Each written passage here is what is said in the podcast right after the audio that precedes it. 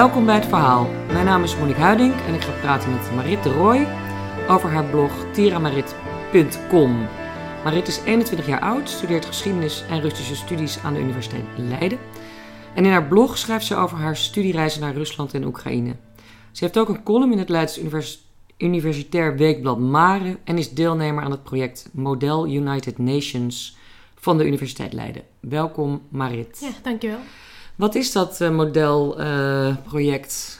Uh, Ja. Model United Nations? Ja, Model United Nations is iets... eh, Het is natuurlijk in het Engels. ja, het is Engels, ja. Ehm, het is een, ja, een soort... eh, je gaat eigenlijk gewoon... Je doet na wat ze in de echte United Nations doen. Dus je gaat met een groep studenten... Ja, speel je een comité van de Verenigde Naties na. En dan eh, ga je debatteren en resoluties proberen aan te nemen. En ja, Het is gewoon een, eh een oefensituatie. ja eigenlijk wel, ja. Ja, En je gaat op een gegeven moment ook naar Oxford, zei je? Ja, ja, je hebt een aantal hele grote Model United Nations conferenties eh, op de wereld. En dat is altijd van, natuurlijk van studenten. Ja, Ja. mhm. en die in Oxford, daar gaan wij dan naartoe. En dan, word je dus, eh, dan kom je in een comité terecht en iedereen ja, vertegenwoordigt één land. En dan moet je proberen om jouw land zo goed mogelijk te vertegenwoordigen. En eh, ja, een resolutie te krijgen uiteindelijk die goed is voor jouw land. Dus eigenlijk gewoon zoals het in het echt ook gaat. Ja. En ehm, ben je dan in je eentje vertegenwoordig je een land? Of Ja. doe je dat met een groepje? In je eentje, ja. Ik geloof in Amerika is het dan, dan zijn ze wat groter, die eh, conferenties. Dan doe je het met twee man of drie of zo. Maar eh, in Europa normaal gesproken in je eentje. Oh ja. Ja. ja. En in welke landen ben je al geweest? Ehm, Als oefening? Ja, ik kreeg altijd van die... eh, ik kreeg Rusland, ik kreeg eh, China, eh Verenigde Mag je dat Staten. niet kiezen? Nee, nee, nee. Hm. Dat was je uitgewezen. Ja, ja. En? Ja, ik vond het wel heel leuk om Rusland te zijn. Omdat ik natuurlijk ook Russische Ja. studies studeer. En Ja. er ook veel van af weet. Eh, en het is altijd wel leuk om een land te zijn als Rusland of China... wat een beetje kan provoceren. Een beetje meer mag dan Europese landen. Want dat speel je dus ook, de, de, die werkelijkheid, Ja, die wordt ook wel eh, geïncorporeerd Mhm. in je, in Ja, je ja, eigenlijk in je toneelstuk, zeg maar. Oh, oké. Ja, ik ben dan bijvoorbeeld in Oxford ben ik Oekraïne. Oh, Dus wat ik ook doe, ik mag nooit het eens zijn met Rusland. Ook al zeggen die, ja, komen die misschien met een heel goed voorstel. Ik kan, dat mag gewoon niet, zeg maar. dat is je instructie ook? Ja. Oh Ja, want dat zouden wel- ze in het echt ook nooit doen. Mhm. Ja. En eigenlijk is het gewoon een wedstrijd. En uiteindelijk, eh, ja, degene die ja, een resolutie erdoor krijgt die het beste is voor zijn land en die de beste speeches heeft gehouden, die wint, dan krijgt een award daarvoor. Oh. Ja. Wat win je dan? Ja, gewoon een De award van best delegate, ja. Ja, ja. Maar dat kun je later natuurlijk op je cv eh ja, en uiteraard het is ook heel competitief, schijnt het. Dus, Ja. Oh, grappig. Ehm, je schrijft ook een column in, eh, in, dat, eh, in dat blad Ja. van de universiteit. En eh, je hebt er nog niet zo heel veel geschreven volgens mij. nee, nee, nee, Nog twee pas. Ja. Maar je beklaagt je eigenlijk wel meteen in die tweede over het niveau van, van sommige vakken. Ja. Wat vind je überhaupt van het niveau van? Je, je studeerde eerst geschiedenis en Ja, nog, nog steeds, ja. maar je bent Russisch er, Russische studies erbij gaan doen. Mhm. Jaar ja, ik, ik ben geschiedenis gaan studeren omdat het me wel heel interessant leek. En je had een Eh, hele leuke geschiedenisleraar waarschijnlijk. ja, precies. Dat scheelt ook altijd op school. Ja. Maar al snel bleek dat het gewoon dat het heel erg breed is. En dat eh, het niveau heel laag is van medestudenten ook. En ja, uiteindelijk is het zo dat als je geschiedenis hebt gestudeerd, weet je van een heleboel dingen een beetje af, maar je weet nergens echt Heel veel van. veel van. Je specialiseert niet? ja, ook niet naarmate je ja, naar wel. de master gaat? Ja, wel een beetje, maar Ja. ja, ik wilde toch meer iets specifieks, dus vandaar dat ik er Russisch bij ben gaan doen. Ja. Maar bij geschiedenis is het zo, ook zo, als je een semester lang niets doet en dan de dag voor het tentamen alles een beetje doorneemt, dan haal je het gewoon. Oh, En dat zou niet uitdaging. kunnen, nee. ja. Want je zegt ook, je wordt eigenlijk eh, ook een beetje als een brugklassertje behandeld. eh, Ja. sommige... Ja. ja, de universiteit gaat er op de een of andere manier gewoon vanuit al dat je niet zoveel kunt en dat je niet weet hoe je moet studeren en zo. En dus krijg je in het eerste jaar ook allemaal lessen in hoe maak ik een planning, eh, hoe leer ik voor tentamens. eh, Ja. die dus verplicht zijn, dat soort bijeenkomsten. Hm. Ja, Dingen waarvan je denkt van ja, dat weet ik al lang. Dat, ja, dat zou wel moeten, denk ik, als je, Als je VWO gedaan ja. hebt sowieso. Mhm. Ja. Eh, is dat ook, eh, want jij behoort dan tot de zogenaamde millennials Ja. generatie. Ehm, heeft dat er ook mee te maken dat misschien toch jouw leeftijdgenoten meer dan jij heel graag aan de hand willen worden meegenomen?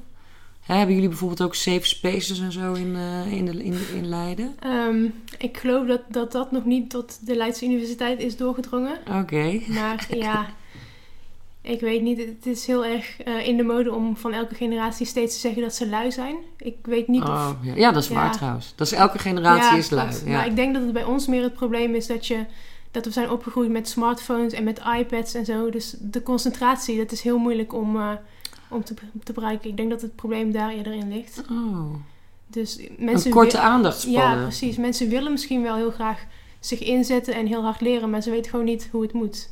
Ik denk dat dat het meer is. Maar dan, dan zijn die lessen wel belangrijk die je dan toch krijgt. Ja, maar En hoe moet ik die leren? lessen die heb je op de middelbare school al zes jaar lang gehad. En om het dan nog een keer over te gaan doen op de universiteit. Ja. Ja. Oké. Nee, want het, het, eh, wat, wat, zo komt het op mij over, is dat jij het gevoel hebt dat je klein gehouden wordt. Ja, Dat je gewoon dan nog steeds als een kind wordt behandeld. Mhm. Terwijl jij bent heel leergierig. ja. Nou ja ik, had, ik hoopte op de universiteit serieus genomen te worden, maar dat is niet echt het geval. Nee. Ook als je in het tweede of het derde jaar terechtkomt, Nou, je, je wordt aan het handje genomen met tussentoetsen en nou ja, al die dingen die je op de middelbare school ook had. Hmm. Waarvan ze toen zeiden, ja, dat is om jullie voor te bereiden op de universiteit, maar dat gaat gewoon door. ja. Dus je bent nooit eens een keer lekker met losse handen.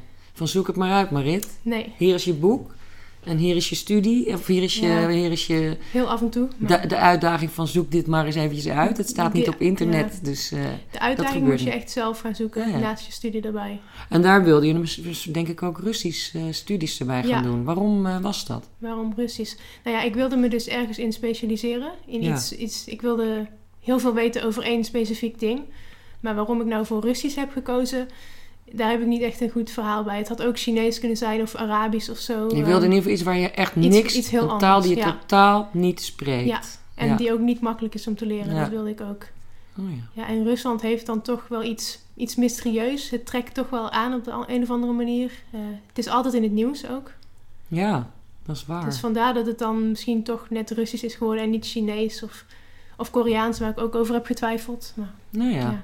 Maar je bent er nog niet... Misschien kom je dan later nog achter dat je denkt... Oh, daarom was het... Eh, Kun je niet nog het moment herinneren dat je dacht... Het wordt Russisch? Of dat je iets las? Nee, niet echt. Ik weet wel nog dat in dat eerste jaar van geschiedenis alle colleges die, die over Russisch gingen, die vond ik allemaal wel heel erg interessant. Oh, nou, dat merkte daar ik wel bij mezelf. Ja. En ja, Rusland is een land van enorme tegenstellingen en je, je kunt er zoveel in vinden. Hoe Ja. meer je erover leest, hoe, hoe gefascineerder je er eigenlijk door raakt. Ja, oké. nou ja, dan- ja. En toen, ja, toen- als je er eenmaal voor kiest, dan ga je er natuurlijk ook mee... Nou, ja, je had ook teleurgesteld kunnen raken. in. Eh, welke vakken heb je naast de taal eh, in, binnen die Russische studies nog meer? Ehm, je hebt de geschiedenis, eh economie. en waar begint die geschiedenis? Ehm, in eh, 988. Oh ja. Eh, de, ja. Het begint echt helemaal bij het begin van Rusland. Ja, Ja, ja. En verder eh, geschiedenis, politiek, literatuur. Eigenlijk alles wat je zou verwachten. Ja, Ook eh, bijvoorbeeld veel dat inspeelt op, op de huidige situatie? Ja. Of, ja daar, wordt het, daar, wordt het, eh, daar hebben ze het wel over bij politiek eh, vakken. Ja, ja. en moet je dan, eh, wat, moet je dan, wat krijg je dan voor werkgroepen of hoe, wat, of voor werkcolleges? Hoe zit dat in elkaar? Geef eens een voorbeeld van zo'n van een onderwerp binnen zo'n vak. Ehm, nou ja, ik heb nu een college over de Russische economie. En dat is dan elke week eigenlijk gewoon een werkcollege. Waarin Ja. de eerste helft van, van het college de docent een, eh, ja, een presentatie geeft over het onderwerp. En de tweede helft ga je er dan over discussiëren. eh naar aanleiding ook van de artikelen die je erover hebt gelezen. Oké, ja. Ja. En nou is bijvoorbeeld vorige week, of deze week nog zelfs, eh, dit gesprek wordt opgenomen ergens begin november, hebben de Russische autoriteiten in Moskou Amnesty International kantoor gesloten. Ja. Hebben jullie het daar dan ook over, bijvoorbeeld over dat soort dingen? Ehm, ja, daar hebben we het wel over, ja. Ja, ik geloof, deze week gebeurde dat geloof ik net na het college, dus daar hebben we het toen niet over gehad. Maar Ja. ja, dat komt wel aan bod. En wo- hoe wordt dat dan benaderd? Want ik ben zo benieuwd, weet je wel, is het, is het gewoon heel neutraal Europees, zeg maar? Of zit er ook nog een beetje, merk je invloed van Poetin binnen je studie Nee, zeker niet. Nee, Dat nee. niet. De docenten en iedereen is wel gewoon objectief. eh, Zijn het, dus, eh, zijn het Russen waar je les nee, ja, nou, bij de taalvakken wel. Ja. Is het 50-50 ongeveer. Maar Ja. bij de politieke, economische vakken zijn het gewoon Nederlandse wetenschappers. Ja, ja. Oké. En waar, wat is de... Hè, hangt het een beetje richting... Wat is, de, wat is zeg maar de stellingname dan binnen zo'n eh, binnen zo'n docentengroepje? Nou ja, gewoon de feiten.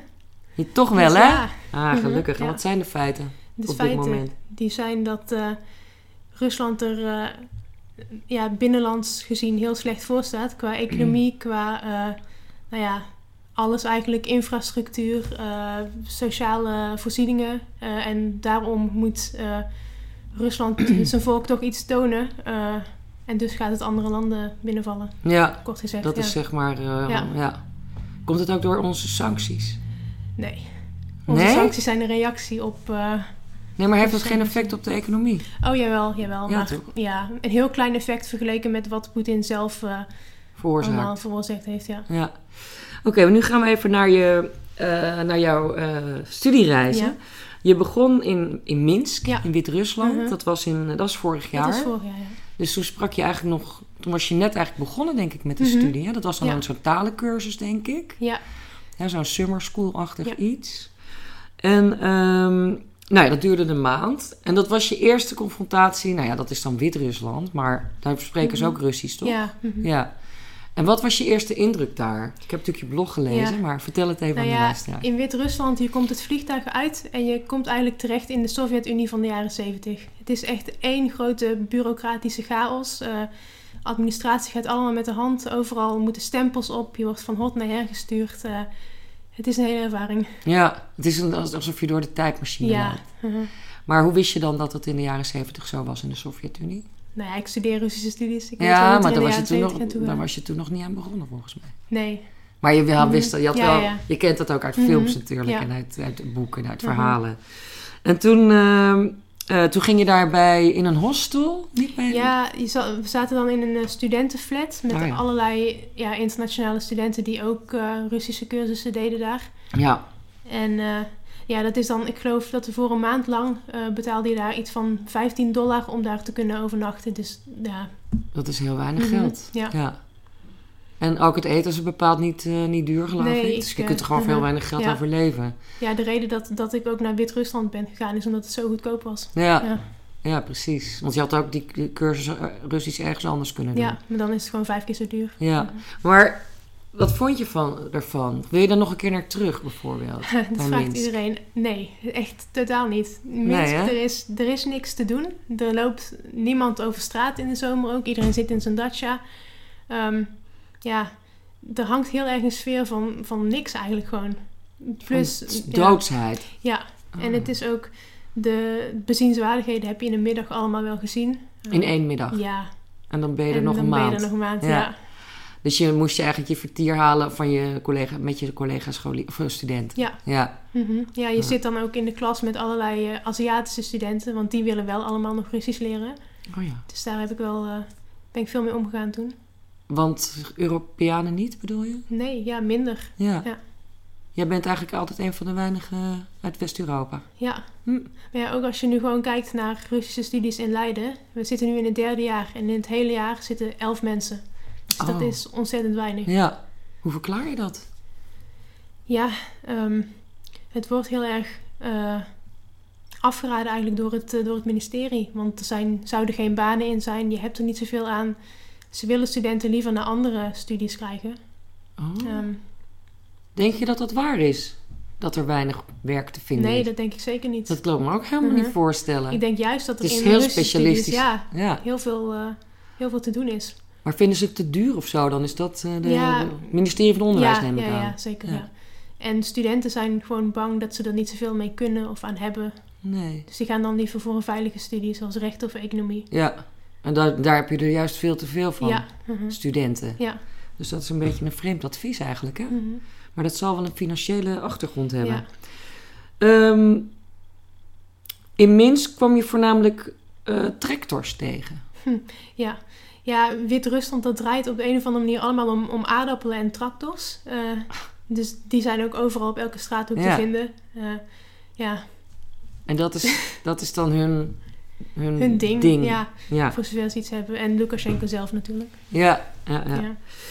Oké, nou toen ging je eigenlijk al vrij kort da- daarna, In januari. ja, Een dus een half half jaar, jaar, ja. naar, naar Sint-Petersburg. Ja, voor een semester. Dus dat zijn drie maanden. Ja. En je ging daar wat doen? Ehm, studeren aan het Nederlands Instituut in Sint-Petersburg. Dus ja. gewoon eigenlijk elke dag eh, fulltime taallessen. Puur Eh, taal. Ja, en we hadden ook nog Russische kunstgeschiedenis. Maar het draaide echt om de, om de taal. Ja. Ja. En hoe vond je dat? Dat vond ik heel leuk. Ja. daar heb ik echt veel van geleerd. Ook gewoon qua taal, maar ook qua Rusland. Ik zat in een gastgezin daar, Mm. dus ook op het moment dat je wakker wordt, moet je meteen Russisch spreken. En je krijgt heel veel mee van het Russische leven. Eh, ik heb er een goede vriend aan overgehouden, een Russische vriend. En Is dat je buddy? ja, Rob? ja, ja, ja, ja. En hoe was het in dat gezin hoe, om daar te... Want dat moet toch ook een enorme cultuurclash... eh, Of viel dat wel mee? Ja, echt een Russisch gezin, hè? ja, Gewoon, ja, dat eh, viel wel mee. Geen ja. woord Engels? Nee, of echt, Duits of niks? Geen woord, nee. Nee. Dus dat was wel een flinke uitdaging, maar ja. Het is ook, ze Was het een groot huis, een klein huis? Of hoe heel ze... klein, heel klein appartementje in een, ja, in zo'n grote flat in Sint-Petersburg eigenlijk. Ja. Ja. En hoe was het om daar te wonen? Kreeg je een kamertje daar? Een heel klein kamertje. Hadden ze ook Ja. kinderen? Ze hadden één dochter, maar die was net het jaar daarvoor uit huis gegaan. Dus die kamer kon ik toen... Oh, eh, ja, ja, ja. Dus ze waren ja. ook wat ouder? ja, nou ja, 50 of zo. Ja. Ja. Nou ja, het is goed. Ze hadden even goed je ouders kunnen zijn. Ja. Bij wijze van Mhm. spreken. Ja. En verdienen zij daar natuurlijk dan iets Ja. mee bij? ja, zeker. Ja. En eh, hoe, hoe, hoe, wat, was je, eer- wat was je gevoel toen je daarin kwam? Toen je daar in dat gezin of bij, die, bij, die, bij dat echtpaar... Ja, het- ze waren zo ontzettend lief voor me. Ah, De eerste paar dagen toen ik nog heel erg moest wennen aan de taal en zo, moest ik echt vijf keer vragen of ze het nog een keer wilden herhalen of zo. Of dan begreep ik weer iets niet. Maar ja. ja, ze hebben me echt met alles heel erg geholpen. Want je zag volgens mij ook wel een verschil tussen die Wit-Russen en, eh, en, de, en de Russen, dacht ik. Eh, mijn indruk is dat je die Wit-Russen heel onaardig vond. Ja, die waren niet zo heel vriendelijk. eh, ook voor, voor buitenlanders niet. Die Ja. heb je natuurlijk in Wit-Rusland bijna niet. Ik bedoel, nie- niemand gaat daar naartoe. Nee, En- want er is niks te doen. Nee, en toen, ja. En als je dan geen Russisch spreekt, dan doen ze ook geen moeite voor je om, Ja. je, om, het, om rustig te spreken of om het nog een keer te herhalen of zo. En in Sint-Petersburg doen mensen dat wel. Zijn Daar mensen wel echt eh, beter blij. Ja. ja. Dus waren ze ook blij dat je... ja, dan je ze het heel leuk dat je, dat je ja. die taal aan het leren Mm. bent. Ja. En willen ze ook helpen misschien. Ja. Woordjes Mhm. voorzeggen. Ja. Dit is een stoel Mhm. in het Russisch. Ja. Dit is een tafel. Ja, ja. Nou, nou dat is wel, was wel een betere ervaring. Mhm. En toen bleef je er vervolgens drie maanden bij die mensen. Ja. En nou, dan had je natuurlijk ook je collega-studenten daar. Ehm merkte je toen dat je op een andere manier tegen die Russische cultuur ging kijken... omdat je alweer wat verder met je studie was... en de taal ietsjes beter ging beheersen? Ehm, ja, je, je leert het steeds meer te begrijpen wel op de een of andere manier. Ook omdat je natuurlijk... We hadden les van Russische docenten. Ja. Die ook...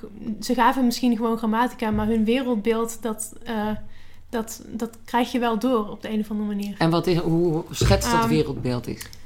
Nou, ik kan me herinneren, de eerste week dat we daar waren... Toen vroeg eh, onze docent eh, spreekvaardigheid van... Wat mis je nou? Wat missen jullie nou in Rusland? En toen eh, zei een jongen, die zei van ja, kaas. En toen zei zij, ja, dat missen wij ook. Dankzij jullie sancties. Ja, Dus toen was meteen de toon gezet eigenlijk wel. dus ze zijn boos op ons. Ja, Het is onze Mhm. schuld. ja. Durven ze wel iets te- kritiek te geven op Poetin? Of op, op het hele eh, de regering, het beleid? En- jawel, maar dan meestal in de vorm van, van een grapje. Maar ook die vriend van mij, Rob, die zegt daar eigenlijk over dat de Russische staat, de overheid en het volk, dat zijn twee compleet verschillende werelden die totaal langs elkaar heen werken en niks met elkaar te maken willen hebben. Van Dus, wederzijds eh, ja, desinteresse. gewoon- Ja, mhm.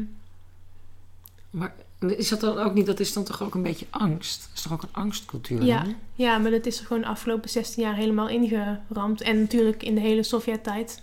Ja, Ja. toen was dat. Je weet niet anders. Eventjes was er wat opluchting. Ja, En toen is het weer teruggekeerd eigenlijk, Mhm. ja, eigenlijk Ja. gewoon met en Poetin. nu heerst er gewoon echt totale apathie. ja. Apathie. Ja. En heb jij de indruk gekregen uit je geschiedenislessen dat dat tijdens de Sovjet-tijd ook al zo was? Dat Jawel, je apathische? had natuurlijk een paar dissidenten, maar over het algemeen denken Russen dat zij niks kunnen veranderen aan de situatie. En dus ja, leggen ze zich gewoon maar bij neer. Ja. Dus dat is ook eigenlijk iets dat continu maar voortmoddert. Ja. Ze gaan de straat niet op. Nee, ook bijvoorbeeld de filmpjes die Alexei Navalny maakte, de oppositieleider. Eh, een paar weken terug had hij een, eh, een filmpje waarin hij eh, onthulde dat premier Medvedev een gigantische dacha heeft ergens, ergens in de Russische binnenlanden. Die echt miljarden roebels heeft gekost. En nou ja, daar werden dan prachtige dronebeelden van laten zien. En zo'n filmpje heeft dan 4 miljoen views, maar er gebeurt verder niks mee. Mensen denken van ja, dat is nou eenmaal zo. Ja, Terwijl als, als dat in Amerika of zo zou gebeuren, zouden mensen echt de straat op gaan. ja. Maar ehm, ze hebben toch wel met het hele volk een enorme revolutie weten te ontketen in 1917. Waar is dat dan gebleven? Nou ja, dat was, je moet de Bolsjewieken ook niet overschatten. Dat was maar een heel klein groepje uiteindelijk die de macht heeft, eh, hebben gegrepen. Het is niet Mhm. zo dat het, het hele volk daarachter stond. Oké. Ja. Want ze zijn, de, de- hè, de- even, even een korte geschiedenis, dat weet bijna iedereen. Maar Mhm. we hadden Nicolaas II, Ja. de tsaar. En die werd, eh, de- dat is dan die, die Romanov-familie. En die werd eh, in, eh, in 1917, ik weet niet meer welke dag, in mei of zo, of juni, weet niet meer, of februari, whatever. Helemaal afgeslacht. En toen was het klaar met, Mhm. met het koninkrijk Ja. of het keizerrijk. En jij bent toch wel een fan van die Nicolaas II, Ja, hè? Waarom? ja, ik vind het een heel fascinerende figuur eigenlijk. Hoezo? Ehm, nou ja, het is een man, hij wilde eigenlijk helemaal geen tsaar zijn. Hij wilde veel liever gewoon, hij was, het was een echte gezinsman. Hij wilde veel liever met zijn kinderen tennissen, foto's maken, spelen. En juist uiteindelijk is hij, omdat hij tsaar was, met zijn kinderen afgeslacht. En Vijf stuks. ja, dat, dat gegeven op zich vind ik al zo'n eh, verschrikkelijk verhaal. Dat, dat, ja, dat, dat intrigeert mij heel erg. Dat lot van hem. Ja. En ja, ik, ik heb zijn dagboeken en zijn brieven gelezen en zo. En het is gewoon een hele, een hele veel te lieve, aardige man... die helemaal niet, totaal ongeschikt was voor, voor een rol als Keizerrijk. tsaar. Als Ja. aut- autocraat van, van Rusland. En hij wist ook totaal niet hoe hij dat moest doen. En dus liet hij zich ook in met figuren als Rasputin. En nou ja, Rasputin, dat, eh, dat was een beetje de... de, de, de ah, die hoorde eigenlijk een beetje eerder bij zijn vrouw, toch? Ja, uh-huh. ja ze, hadden, ze hadden een kind, Alexei, de, de troonopvolger dus eigenlijk, die Ja, hemofilie had. Ja, en. Rasputin, die had dus, geloofde ze echt magische krachten, waardoor die jongen eh, Ja, het steeds weer overleefde. de Greet Hofmans van, Ja, precies. van Rusland. ja. En ehm, nou ja, daardoor dat ondermijnen even goed als in het Nederlandse Koningshuis natuurlijk ook eh, daar... Het ondermijnt zijn gezag gigantisch. Ja. En toen kwam er ook nog een Eerste Wereldoorlog overheen, plus gewoon groepen revolutionairen overal. ja, Ehm, maar ja, je kunt je ook afvragen, als er nou een hele grote tsaar op dat moment op de troon had gezeten, een Peter de Grote of een Alexander II, zouden die het dan wel hebben, ja, het keizerrijk bijeen hebben kunnen houden? Ja. En ja, je weet het niet. nee. Hij was een slecht, slechte tsaar, maar of het nou echt aan hem heeft gelegen... Was hij ook is, niet eh, geliefd. eh, in eerste instantie wel, maar eh, nou ja, tijdens de Eerste Wereldoorlog is die ehm, anti-Romanov propaganda in de kranten zo uit de, uit de hand gelopen. Mhm. Ehm, toen, toen had ik niet meer in de hand. Nee. Want achteraf zijn ze eigenlijk wel weer in hun, in hun aanzien of eer hersteld. Ja, ze zijn helemaal gerehabiliteerd. Ja. Natuurlijk, ne- tijdens de Sovjet-Unie is het 70 jaar lang zijn ze echt neergezet als eh, ja, monsters de eigenlijk. duivel. Ja. Ja, En toen, de eh, Satan. Ja, Yeltsin had er geloof ik verder niet zo heel veel. Dat, ja, de- hij deed er niet zoveel meer mee. En maar toen onder Poetin eh, is het weer helemaal. eh, ja, Hoe verklaar je dat nou in godsnaam? ja. Poetin Waarom is heel erg teruggrijpen op die grandeur van het grote Rusland. En dus ook het Russische ja, tsaristische ja. rijk. Wat, wat heel groot was natuurlijk en heel machtig. En dus als hij de Romanos weer neerzet als grote heersers, dan, dan helpt dat hem ook een beetje in zijn eh ideologie. Dat is een marketingmiddel van hem. Ja, ook als je nu kijkt wat voor films er worden gemaakt over de Romanovs, dan zijn dat prachtige films waarin Nicolaas wordt neergezet als de ideale echtgenoot eh, die leuk met zijn kinderen speelt en zo. Ja, En onder Poetin is er ook een, eh, een kerk gebouwd op de plaats waar ze zijn eh, vermoord. En ja, dat is in Je- Je- Jekaterinburg, Ja. ja. Ik kan dat nooit zo goed uitspreken en ook niet echt goed onthouden. Maar daar hebben ze, dat heet dan de Kerk van het Bloed. Ja, de eh, kerk van de verlosser op het bloed. Ja, het is, dat, dat heeft, hij ook, heeft Poetin ook weer uit de geschiedenis eh, teruggehaald. Want in Sint-Petersburg heb je ook een eh, kerk van de verlosser op het bloed. Ja. Die is door Alexander III gebouwd op de plaats waar zijn vader Alexander II is vermoord. Dus denkt Poetin, nou als ik nou een kerk laat bouwen op de plaats waar Nicolaas II is vermoord, dan... Ja, dat heeft ook wel voor hemzelf voordelen. En het is gewoon heel symbolisch. Ja. eh. Uh-huh. dus hij is eigenlijk die, een beetje die eh, mythe van het maken. Ja. In, en, en dat, in- dat Mhm. moet eigenlijk zijn Ja. glans. Dat Ja. moet op, op, op hem Mhm. afglanzen, zeg maar. En Dat het, is de het bedoeling. volk neemt het ook wel over. Want je hebt elk jaar in Rusland, eh, sinds een paar jaar geloof ik, heb je van die marsen waarin dan alle slachtoffers van de repressie, eh, mensen gaan dan in een optocht lopen en iedereen heeft een foto van een slachtoffer van de bolsjewistische repressie eh, met zich, ja, heeft hij vast. En v- dit jaar geloof ik was het voor het eerst dat mensen ook met foto's van Nicolaas II en zijn familie rondliepen. Dus die worden weer helemaal, eh, ja, gerehabiliteerd eigenlijk. Ja. Dus het is wel zo dat, binnen, dat in Rusland men niet meer terug verlangt naar de Sovjet-Unie? Nee. Of is er zelfs echt een, een Ja, bij de aan? oudere mensen, ja. Alleen ja Poetin zegt altijd zo, zegt altijd, als je niet terug verlangt naar de Sovjet-Unie, heb je geen hart. Maar als je eh, hem echt terug wil, dan heb je geen hoofd. Dus, Oh. Ja. Leg dat nou eens uit. Ja. Dan heb je geen hart. Want Ja, in je, diep is- in je hart wil je een Ja, communist het is gewoon die, die nostalgie van het goede oude Rusland eh, die mensen nog wel voelen. Met hun lada's en hun... Ja, het heeft wel zijn charme op de een of andere manier. Maar Mhm. als je dan goed nadenkt, dan was het natuurlijk alleen maar ellende met tekorten aan alles. En, Ja. ja. Nou, maar nu Mhm. nog. Ja, Er is, eigenlijk is het gewoon hetzelfde nog, toch? Als onder Nou de ja. Sovjet-Unie. Met die bureaucratie die, Mhm. waar jij ook... eh, ja, het is wel wat beter kreeg. natuurlijk dan in de Sovjet-Unie. Maar Want, wat is er beter nu? Ehm, nou ja, in de Sovjet-Unie de laatste twintig jaar ehm, kon je niet zomaar naar de winkel om iets te kopen. Moest je echt uren in de rij staan. En wat dat betreft is het nu natuurlijk veel beter. Oh ja, Ja, ze zijn gewoon wel beter op voorraad. ja. Ja. Ja.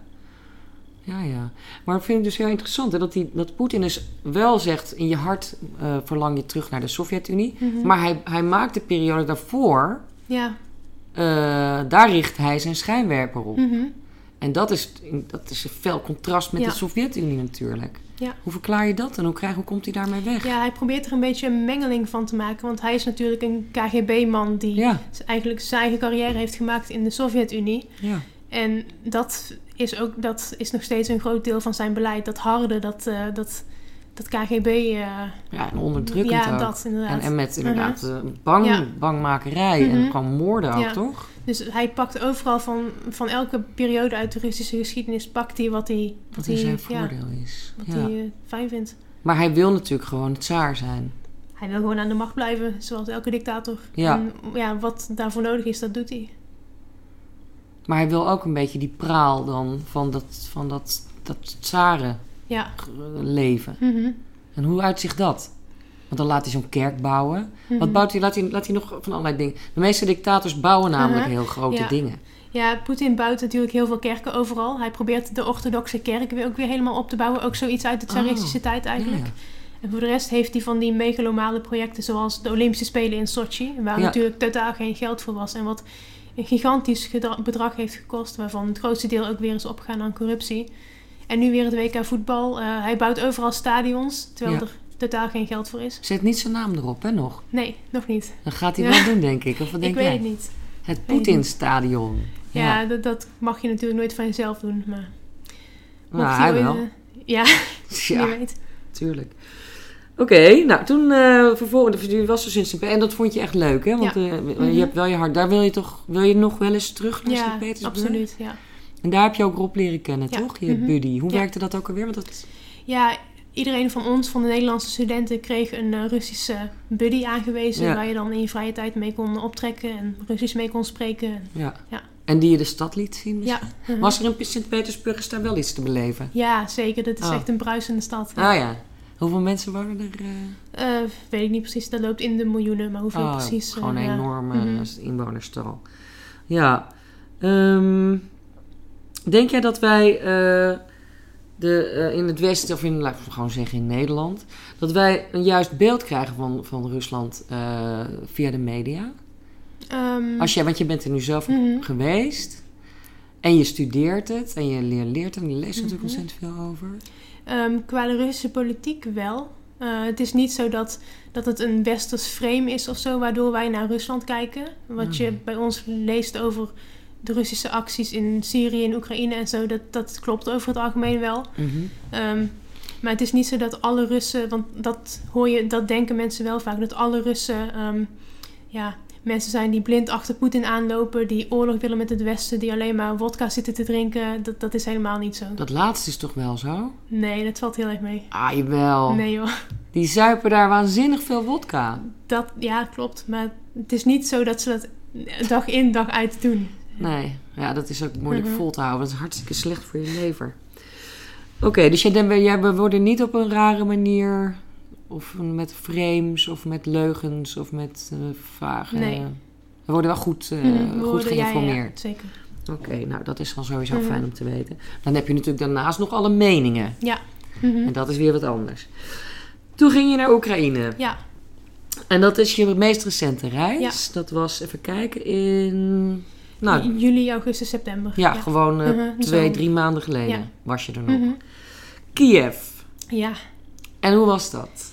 Nou, ik vond Kiev een geweldige stad. Dat, dat moet ik in de eerste plaats zeggen. Ik, Ja. ik had eigenlijk verwacht dat het een soort van grijze Sovjetstad zou zijn, zoals ik die eigenlijk in Rusland wel een beetje ken. Mhm. Maar Kiev, ja, het is zo'n verschrikkelijk leuke, mooie stad. Eh, je hebt er de, wel die Sovjetbouw een beetje, maar je hebt ook echt tsaristische bouw, Europese bouw. Eh, heel veel mensen noemen Kiev ook het, het nieuwe Berlijn, omdat het heel erg hipster ook is. Oh ja? Ja, Jonge, veel jonge die- mensen? Ja, van die, eh, ontzettend veel van die jongens met staartjes, weet je wel. en baardjes? barretjes en eh, van die, ja. Nee, het is een hele, hele interessante stad. Ja. ja. Oké, leuk. Want eh, je bent, dat moet ik nog even zeggen, van Rusland. Je was niet alleen in je, je, Mhm. je logeerde daar wel, maar je bent ook naar Moskou geweest Ja, en naar allerlei Mhm, andere plaatsen. Dus je hebt echt wel Mhm. goed gekeken van hoe, hoe zit dat het land in elkaar. Ehm, maar eh, uiteindelijk in Kiev dus als laatste. Want daar had je dan, want je ging daar werken bij de ambassade. ja, ik heb stage gelopen bij de Nederlandse ambassade. Ja, ja. en moest je dan ook wel Russisch eh, spreken? Want Oekraïens is toch net anders? Eh, ja, Oekraïens is een andere taal, maar op de ambassade, ja, je hoeft eigenlijk niet eens Russisch te spreken Mhm. om daar sta- stage te kunnen lopen. Gewoon eh, Engels. ja. mhm. Ja. Ik bedoel, het is wel een groot voordeel natuurlijk. Ja.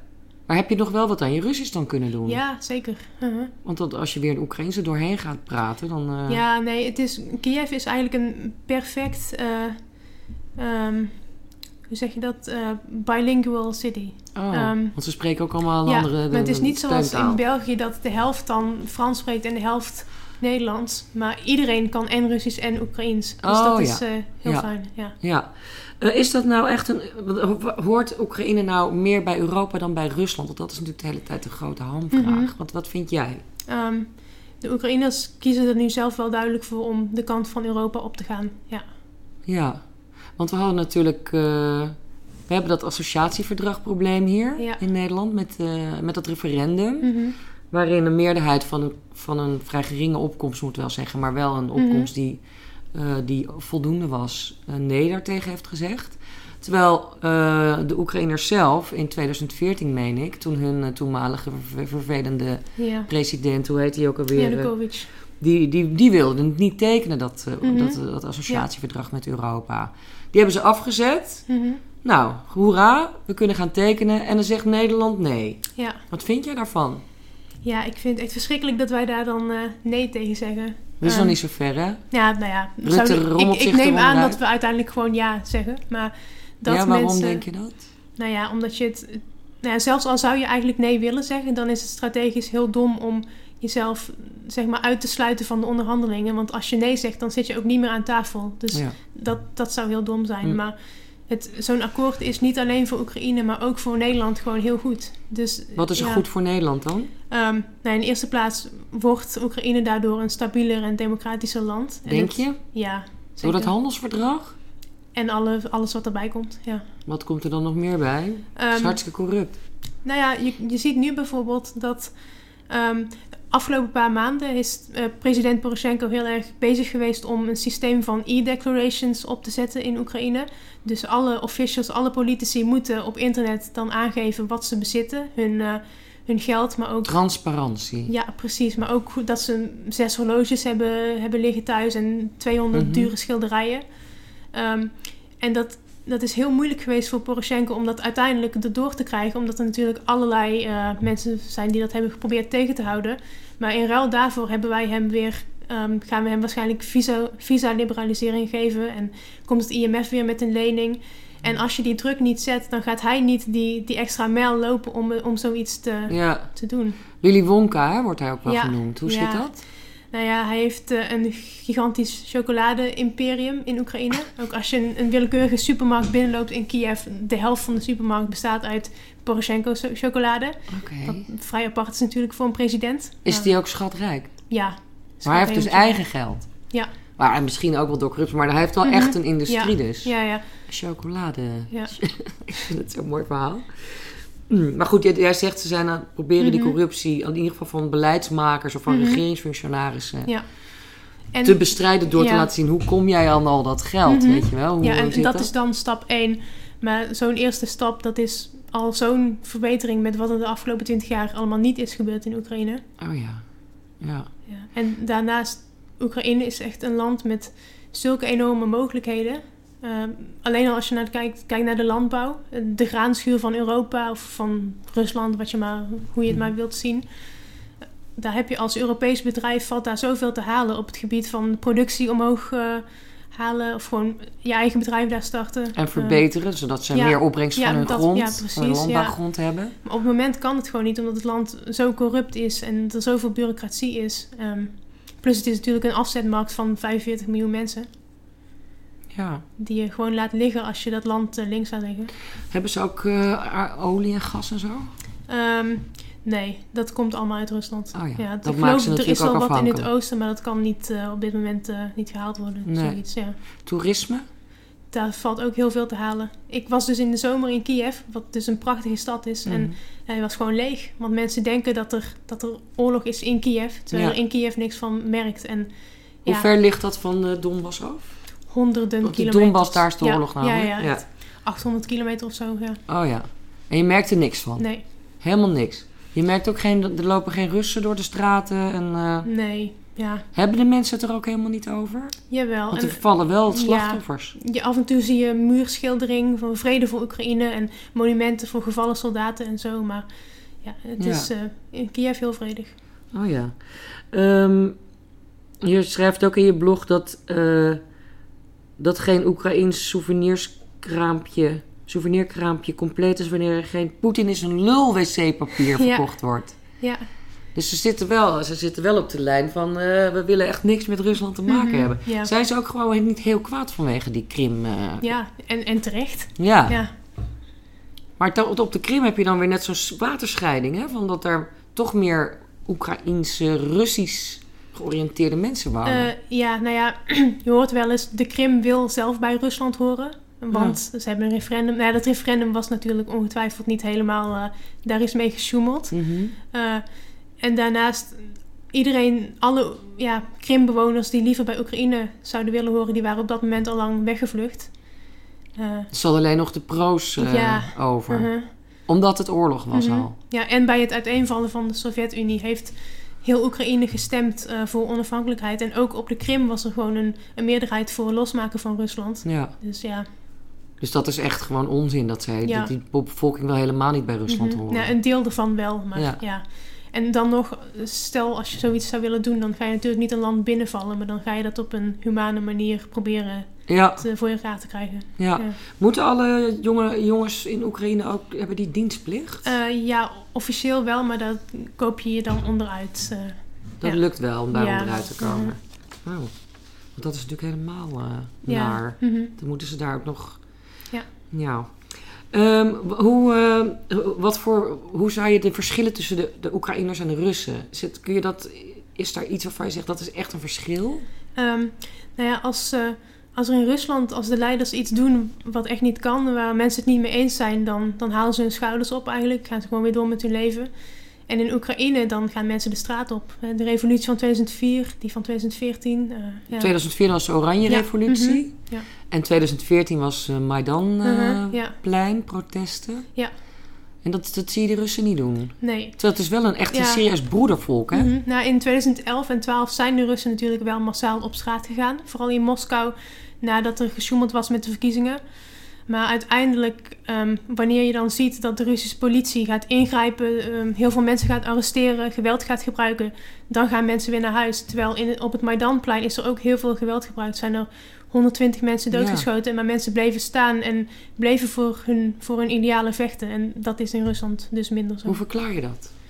Ja, toch meer dat Europese dat in Oekraïne leeft. Ja. Ja, ja. Maar ja, het is ook weer niet zo dat, dat tenminste de jonge Oekraïners die ik dan sprak, dat die echt lid willen worden van de EU of zo. Maar ze kijken, het is meer dat ze kijken naar, naar die Europese waarden en die willen ze ook in hun eigen land hebben. Eh, en vandaar dat ze, dat Welke zo, waarden zijn dat dan? ehm, democratie, eh, transparantie, eh, geen corruptie. Ja, dat. Ja. Ze willen zich veilig voelen natuurlijk. Mhm. En vrij. ja. En ze Eigenlijk willen, ze willen normale- kansen, kansen hebben in hun leven. Ja. En in het huidige Oekraïne, het is nu natuurlijk aan het veranderen, dan heb je gewoon niet zoveel kansen. Nee. Omdat ja, overal corruptie is. En, Ja. Ja. Ehm, op een gegeven moment eh, gaan we een beetje naar het einde toe. Ja. Eh, op een gegeven moment eh, eh, merk je dat, je dat het toch niet zo makkelijk is om direct in contact te komen met Oekraïners. En dan ga je naar een barretje. ja, En dat barretje heet Palata nummer 6. ja. En wat trof je daar?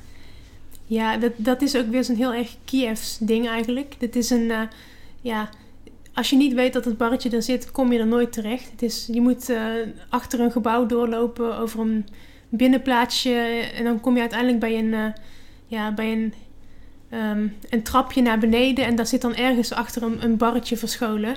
Eh, en daar komen dan echt de Oekraïners eh, Ja. ja, drinken. En dan kwam je dan heel andere... Heb je daar heel veel ontdekt? Hoe eh, Ehm, was je ervaring daar? Ja, dat is wel echt die Oekraïnse cultuur waar je dan mee, mee in contact komt. Beschrijf hem eens kort. Ja, heel veel drinken, heel veel praten over cultuur, Toch geschiedenis, politiek. Oh ja, want Ja. Dat, viel- dat viel je ook op, hè? Dat ze Ja. eigenlijk veel cultureler ingesteld zijn ja, dan, wij veel ook. cultureel. ja. Ja. Heel belezen en alles. ja, Ja, ze weten alles. Ja. wat leuk, hè? Mhm. Hebben ze daar minder eh, internet? Of minder iPads? Ja, dat ze daar meer boeken Mhm, lezen ja, misschien? ze lezen wel echt duidelijk meer boeken. Ja. ja. Ook wel bijzonder eigenlijk, Mhm. hè? Ehm, Oké, eh, mijn laatste vraag aan jou is... eh, wat is tot nu toe... Wat, wat vind je... Wat is het belangrijkste wat je geleerd hebt over Rusland en Oekraïne? Of eigenlijk gewoon over Rusland?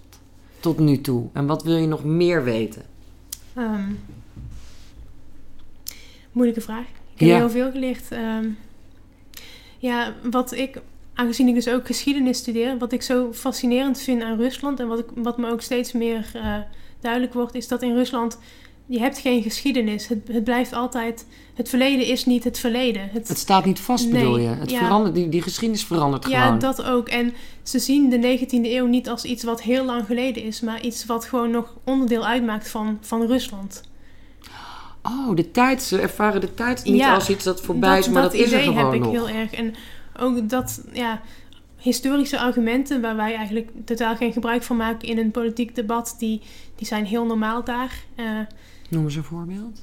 ehm, nou ja, om weer op het Krim-gebeuren terug te komen. De, de Krim zou bij Rusland moeten horen, omdat Khrushchev die ooit weg heeft gegeven in, nou ja, in de veronderstelling dat het op dat moment administratief gezien beter bij Oekraïne zou kunnen horen. Maar op dat moment En dat hij... argument gebruiken Ja, ze nu. uh-huh. Ja. En dat zouden wij inderdaad niet Mhm. snel doen. Nee. Ja. Oh ja. En ze denken in termen van invloedssferen, echt in 19e-eeuwse termen, ja. En, voor, en in machtspolitiek ook. Hè? Ja. Voor, eh, Dat Mhm. is voor ons ook eh, redelijk... eh, ja, dat Ja, en ook dus over, om terug te komen op Nicolaas II. Daar, ja, er zijn nog steeds grote maatschappelijke debatten over wat er met zijn botten moet gebeuren. ehm, wat hij wel of niet vond of dacht. In Nederland hebben wij het totaal niet meer over onze machthebbers van 150 jaar geleden. Maar daar is dat gewoon nog Ja. ja. de- het gesprek van de dag, zeg maar. dat vind je ook fascinerend, denk ik. Ja. Ja, dat is het ook. Mhm. Heel anders, hè? Ja. Moet je ontzettend aan wennen. Ook hoe, hoe, je dan, hoe je dan zelf ook dat, die benadering... Mhm. Hoe benader je zo'n... Hoe moet je je verhouden tot Ja. zo'n eh, manier van denken ook? Mhm. Dat is ook interessant. Nou, hartstikke bedankt voor dit gesprek. Ja, Studeer gedaan. voort. Doe ik. En eh, dan word je onze Ruslanddeskundige over twee jaar. Want dan ben je wel afgestudeerd, denk ik. Ja. Tegen die tijd, twee, drie jaar. Nou, dankjewel voor dit gesprek dus. Eh, ik sprak met Marit de Rooij over haar blog tiramarit.com.